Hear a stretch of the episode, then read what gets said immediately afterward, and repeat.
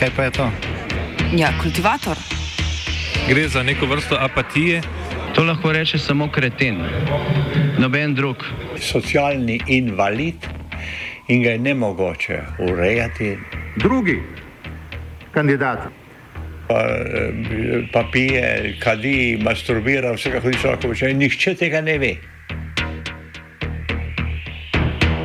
Vsak petek skultiviramo dogodek tedna. Lahko po kriterijih radio študent, težko pa po evropskih kriterijih. Ampak na drug način, kot vi to mislite. Kultivator vedno užge. da pač nekdo sploh omenja probleme, ki so in da pravzaprav sploh nekdo sproži dogajanje uh, v družbi. To drži, drži. Začasna vlada za nedoločen čas.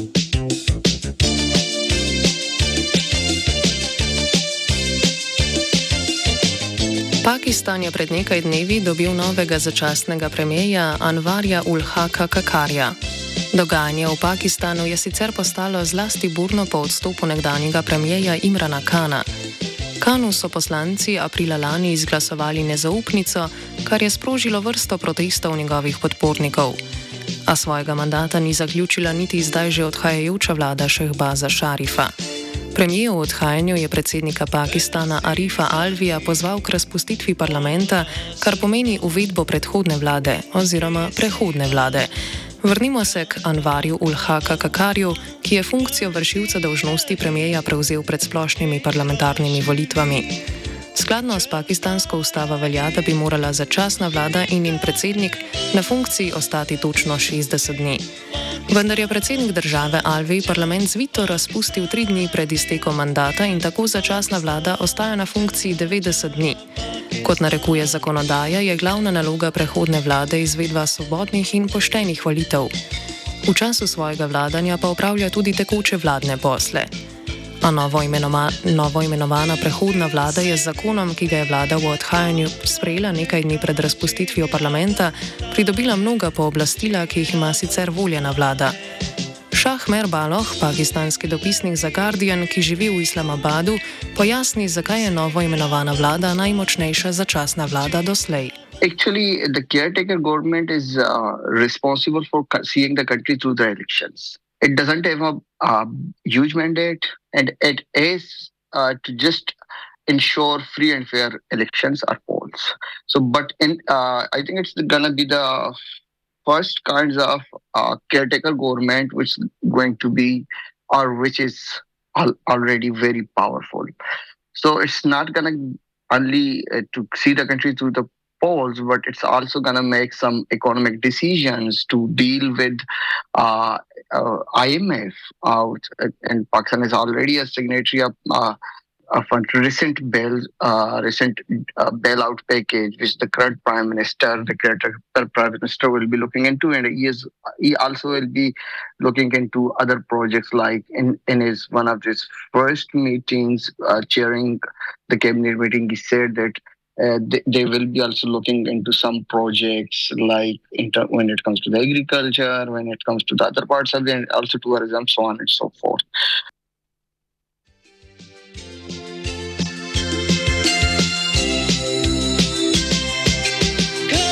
A povečale se niso le pristojnosti nove prehodne vlade, podaljšal bi se lahko tudi njen mandat. Državna volilna komisija Pakistana je sporočila, da je potreben ponoven popis prebivalstva in postavitev mej med posameznimi voli, volilnimi enotami, za kar bi potrebovali vsaj štiri mesece. To je kasneje potrdil notranji minister Rana Sanaula, ki je dejal, da volitev v letošnjem letu ne bo. Govori Šahmer Baloh.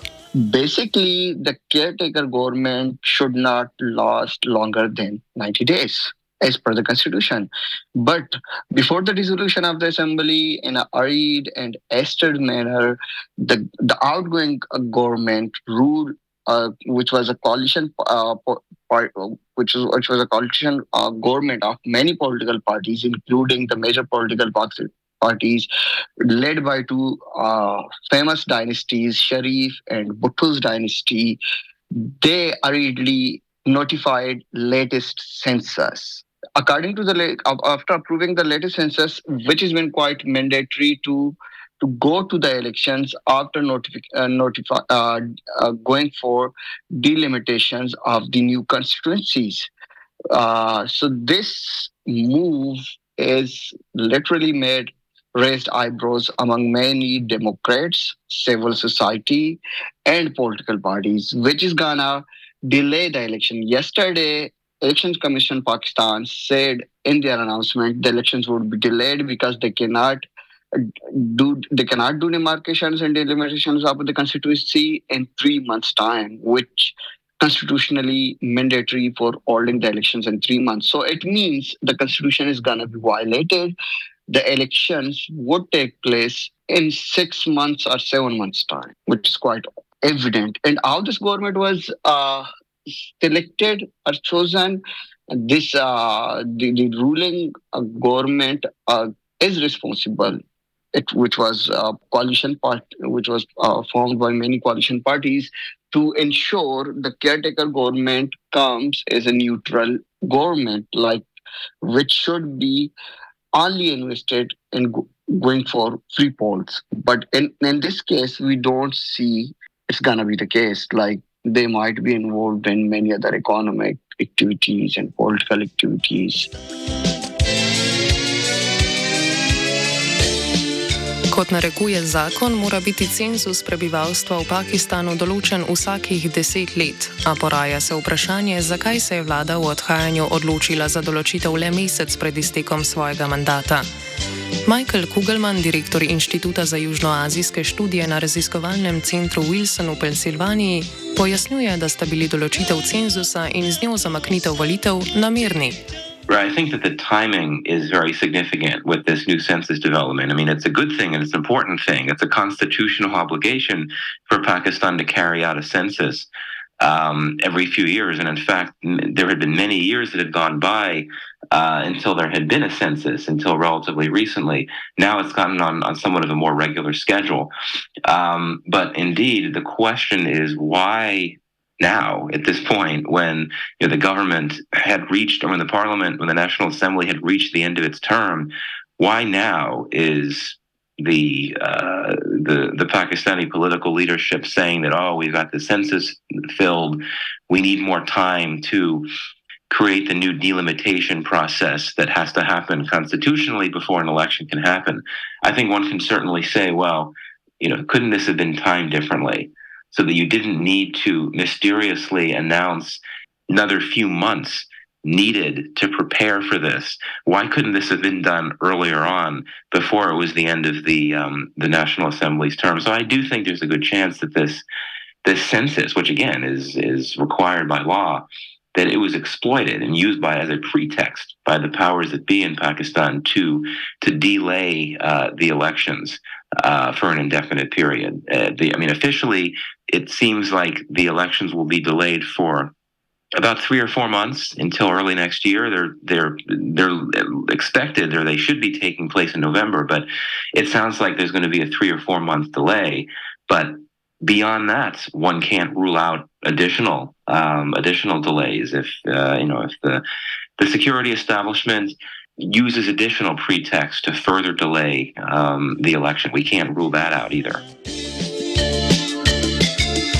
Kakarja sta za začasnega premijeja imenovala premije v odhajanju Šehbaz Šarif in vodja opozicije Raža Rijas Ahmad.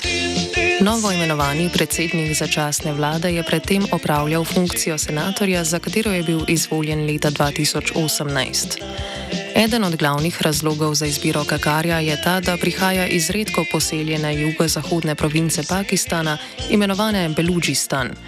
Kritiki sklepajo, da želi vlada v odhodu z imenovanjem Kakarja za premijeja predvsem pomiriti javnost v manjših regijah Pakistana, ki zaradi premoči večjih provinc pogosto ne pridajo do korita. V manjših provincah imajo namreč pomembno besedo različne separatistične skupine, ki politikom že leta očitajo, da naravnih virov v regiji ne uporabljajo lokalnemu prebivalstvu v korist. Poleg tega je Kakar član stranke Balohistan Avami, tako rekoč Belučistanske ljudske stranke, ki naj bi jo podpirala pakistanska vojska, razloži Baloh. Anwar al-Kakar actually uh, is from uh, from the most backward province of Pakistan, and he is a little known uh, politician who is uh, who has never won a, won an election, and but he has been uh, been a senator for, for the upper house of Pakistan, and he has also served as a spokesperson for the Balochistan government. And uh, Pakistan has been ruled by half of its time by the military dictators directly. When not in, when they were not directly ruling Pakistan, they they have been calling the shots behind the bar, behind the way, behind the scenes. So yeah, for last one decade, there has been a new model, this they call, which started after a populist leader and the cricket star Imran Khan formed 2018 election. Like it was known as a hybrid regime. An hybrid regime, the military was calling the all shots. They were not on the screen, they were not on the front, but they were ruling the country through Imran Khan's, who, who allegedly came into power with the backing of the military, though in whatever ways uh, the relation he fell out with with his uh, relationship from the military. Then he was ousted and out of, out of no confidence. then we see he is behind the bars now. But again, this government, this recent caretaker government, is a huge support from the military establishment, as it's uh, quite known to everyone in Pakistan. Kugelman pojasnjuje, da je Kakarja morda izbrala prav vojska in ne tako imenovana civilna politika, kar pomeni, da bo prehodna vlada primorana izvrševati interese vojske. sense that the caretaker government will do what uh, it's being asked to do by uh, by the military establishment, and that's because um, you know from the caretaker prime minister on down, the other cabinet ministers, many of these these officials um, are very close to the military. Uh, the the temporary or the caretaker prime minister is someone who, you know, is um, widely believed to be close to the military, and I imagine it's quite likely that the military essentially selected him. That it was not the um, the civilian leadership that that selected him to be the caretaker prime minister. That it was the military itself. So, you know, unfortunately, I, I do think that many, not all, but uh, many of these these leaders of this caretaker regime will be yes men, so to speak, and yes women. In other words, you know, the, an expression that basically means that they will do what they're told to do because they feel obligated to um, to to respect the wishes of those above them. Uh, and obviously, you know, this is given that those above them are, are the military. This is a terrible thing for democracy. But um, you know that that's my sense that you know what we what what what these these caretaker officials are asked to do or pressured to do, they'll likely do all of it, uh, even if that entails holding on to this caretaker government for much longer than is constitutionally expected or obligated, just because of the close relationship that these officials have with the military.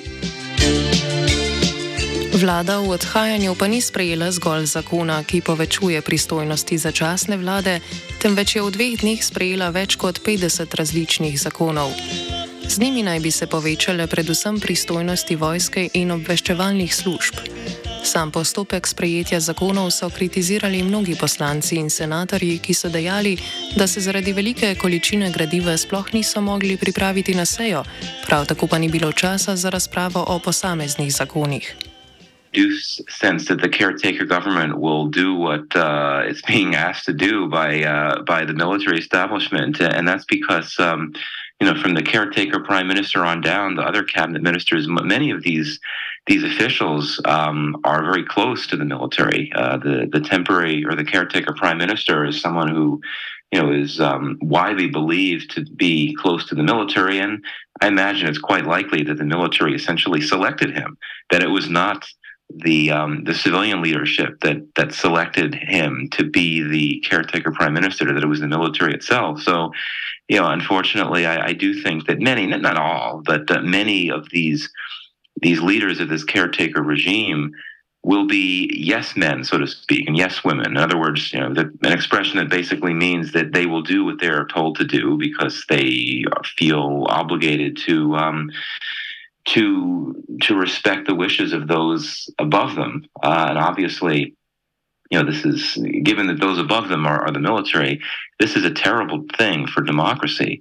But um, you know that that's my sense that you know what we what what what these these caretaker officials are asked to do or pressured to do, they'll likely do all of it, uh, even if that entails holding on to this caretaker government for much longer than is constitutionally expected or obligated just because of the close relationship that these officials have with the military.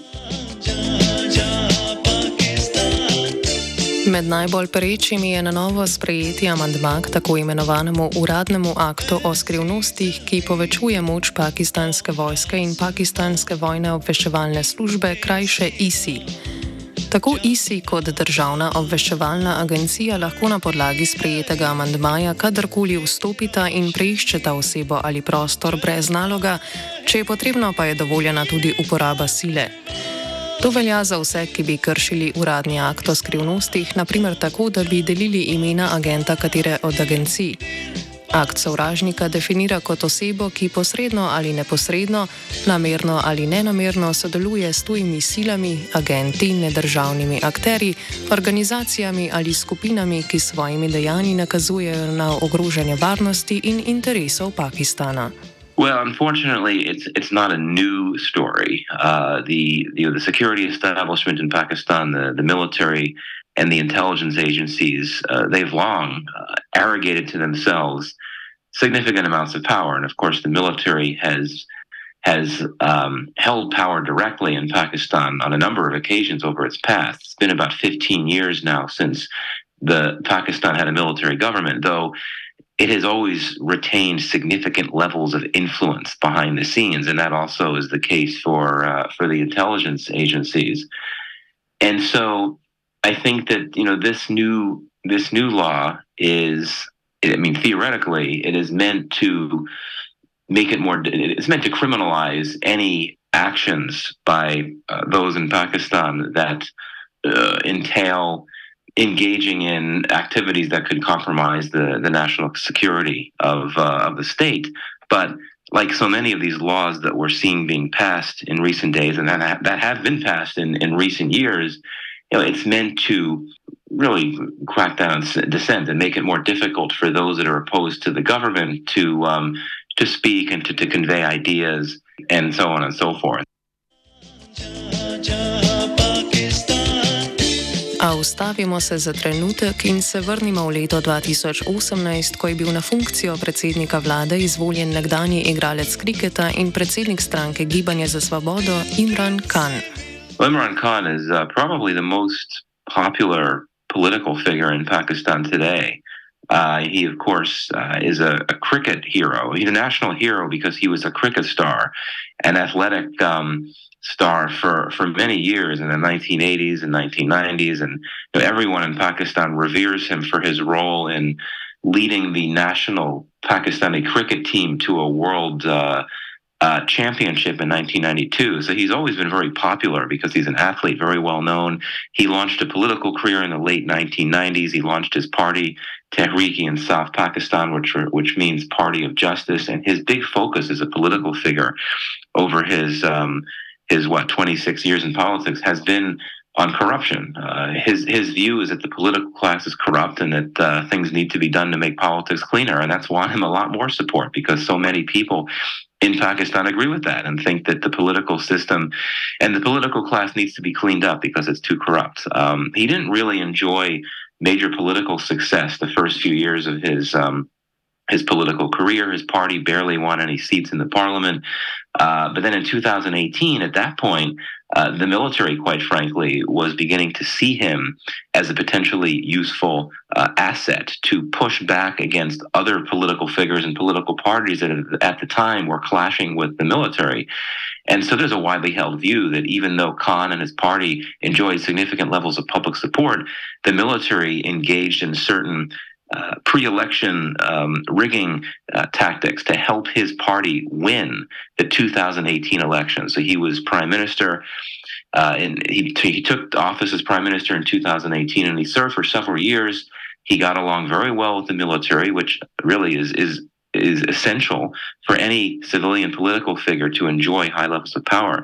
But then in 2022, his relationship with the military, or, or should I say, with the, the top military leaders, including the army chief, uh, got worse. There were a number of disagreements and things that happened. And so at that point, the military decided that it would be willing to work with the opposition at the time to push for a parliamentary no confidence vote. And so this essentially means, you know, as you know, that um, uh, the parliament um, uh, put his put Khan to a vote um, with a vote on whether he should stay in power or not. And it had never been the case in Pakistani history where a sitting prime minister was uh, lost a no confidence vote.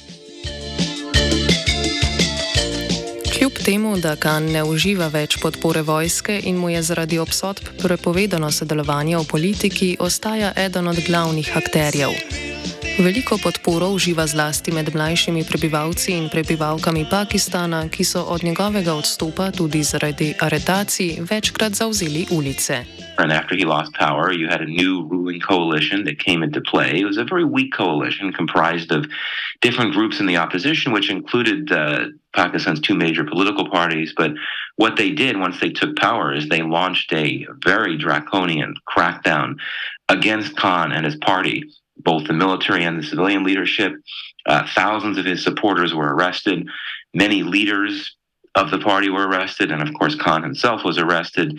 And yet, this pardon me, uh, Khan became more popular because of this crackdown. One of his major narratives was not only that the political class was cor- class was corrupt, but also that it was you know dangerous and um, draconian and um, you know not not just and virtuous. And he's used these victimization narratives to suggest that you know, the the state is out to get him. People are always trying to do harm to him. And when that actually came true, with the government cracking down on him very hard, you know, it sort of validated his victimization narrative in the eyes of his many supporters. And it's him more support. And so that's where things are today. Ironically, his political prospects are very low because he's disqualified and he's been arrested, but his popularity is very high because he continues to have this very strong support base and he's won more supporters uh, as well, given what's happened over the last year or so.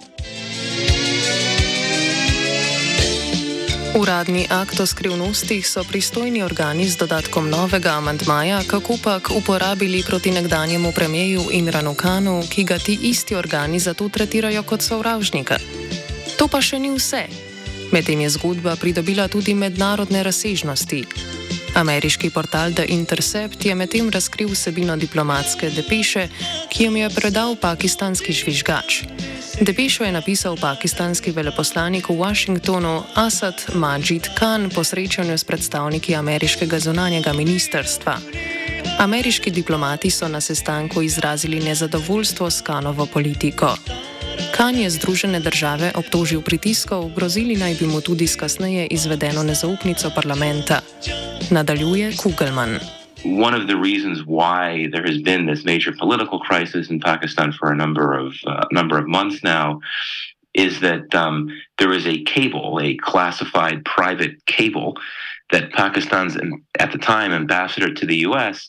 passed on to his government back in 2022, which highlighted a conversation between him and a senior U.S. official in which the senior U.S. official um, suggested that it would be better if Imran Khan were not to be in power anymore. Imran Khan, and this of course was um, Imran Khan was was still prime minister, and then afterward, he essentially brought this cable to public attention. You know, he he took what was meant to be a private communication channel within the Pakistani government and he he seized on this document and made this a public issue and he said this is evidence that the US government was behind efforts to oust me from power so it could be that this new uh, this new secrets act is meant to, is, is meant to be another way to target Khan Takšno zakonsko podprto povečevanje pristojnosti in moči vojske v Pakistanu sicer ni nič novega. Kot pojasnjuje Kugelman, je vojska igrala pomembno vlogo pri odcepitvi od Indije leta 1947 in s tem predstavlja enega od državnotvornih stebrov. Well, I mean, you have to go back to the early days of Pakistan's history when the military essentially made this this argument. It, it didn't make it directly, but it was sort of assumed and implied and indirect. Made an argument to the Pakistani nation that it is essentially the only entity that can protect Pakistan and keep it safe from the existential threat posed by India, which, of course, is a much larger, more powerful country uh, than uh, uh, than Pakistan. And it, it made this argument to that essentially said that well, no one else can can do what we do. We have to be present. We have to be involved in policy to ensure that everything is okay, everything is safe. I may be over generalizing the argument. That was the gist of the argument. So uh, the army has used that argument to justify its very outsized, very large role in in in politics. Um, it has also essentially tried to make the argument that civilian governments don't have the capacity um, to to do things the right way. Though one could also argue that since for so long the military has held back the growth of civilian institutions and civilian politics, that you know it, it's it's the military's fault for limiting the capacities of the civilian political class to, to operate effectively. At any rate, you know, the military for many years of its existence has enjoyed a fair amount of popularity. Um, it was only in more recent decades when the public began to, uh, you know, understand what the military was about. It was about trying to hold on to power at any cost, and the you know the the very brutal manifestations of military rule were very well realized or understood by the Pakistani public. And so, you know, certainly in more recent decades, I, would argue that um, a majority of Pakistan's public would much prefer that the military um, not play a major role in politics. Certainly not through direct rule, but also not through exerting the types of influence behind the scenes that it's that has been the case for the last uh, few decades.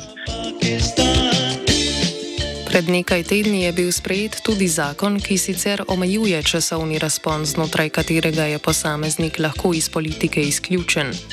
Kljub temu, da bi to lahko izboljšalo kanov položaj, pa je vlada zakon najverjetneje sprejela zato, da bi izboljšala položaj nekdanjega premijeja Navaza Šarifa, brata današnjega premijeja v odhodu. Ta je že leta izključen iz politike, a bi sprememba zakona lahko pomenila njegovo vrnitev na parlamentarnih volitvah, ki bodo potekale čez pet let. Some of these laws uh, are meant to to crack down on on dissent. Uh, they go they go quite far, I should say. And um, you know, there was also a law that was passed perhaps a, a few weeks before many of the others that reduces the amount of time that a Pakistani parliamentarian can be disqualified from office. Now, that's a very interesting law in that Imran Khan, you know, the, the opposition leader who the state does not want to see come back to power, you know, he's he's been disqualified because of the charges that he was convicted on, corruption. And so it would appear that that law could actually help Khan in that instead of him being disqualified for life or for a very long period of time, this law means that he can only be qualified for five years. So that suggests that uh, when Pakistan next has elections, not the ones coming up uh, in the next few months, but five years from now, he could contest those elections.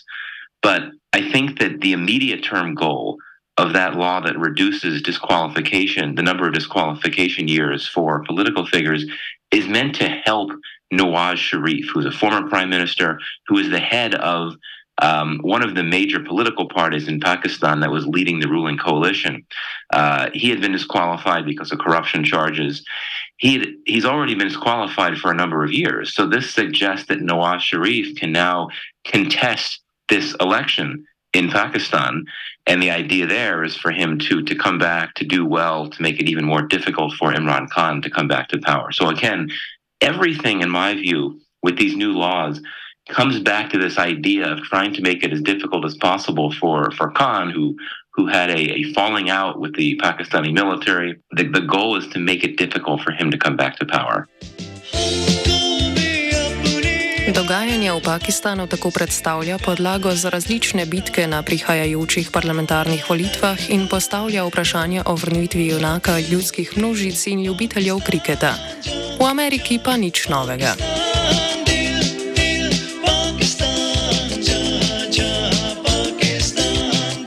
Kultivator je pripravila Tija.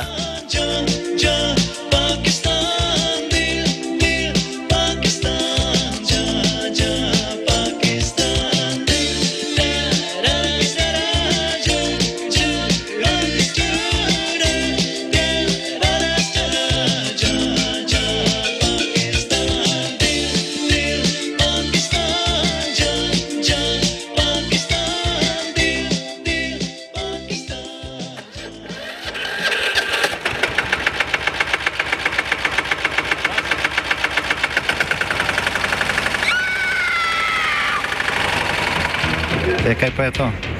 Ja, kultivator. Gre za neko vrsto apatije.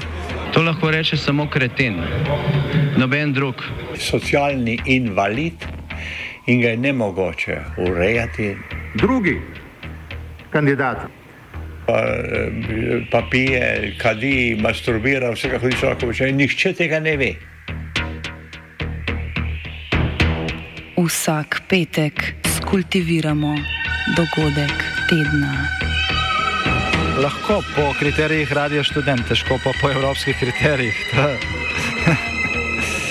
Ampak na drug način, kot vi to mislite. Kultivator vedno užge. Da pač nekdo sploh omenja probleme, ki so, in da pravzaprav sploh nekdo sproži dogajanje uh, v družbi. To drži, drži.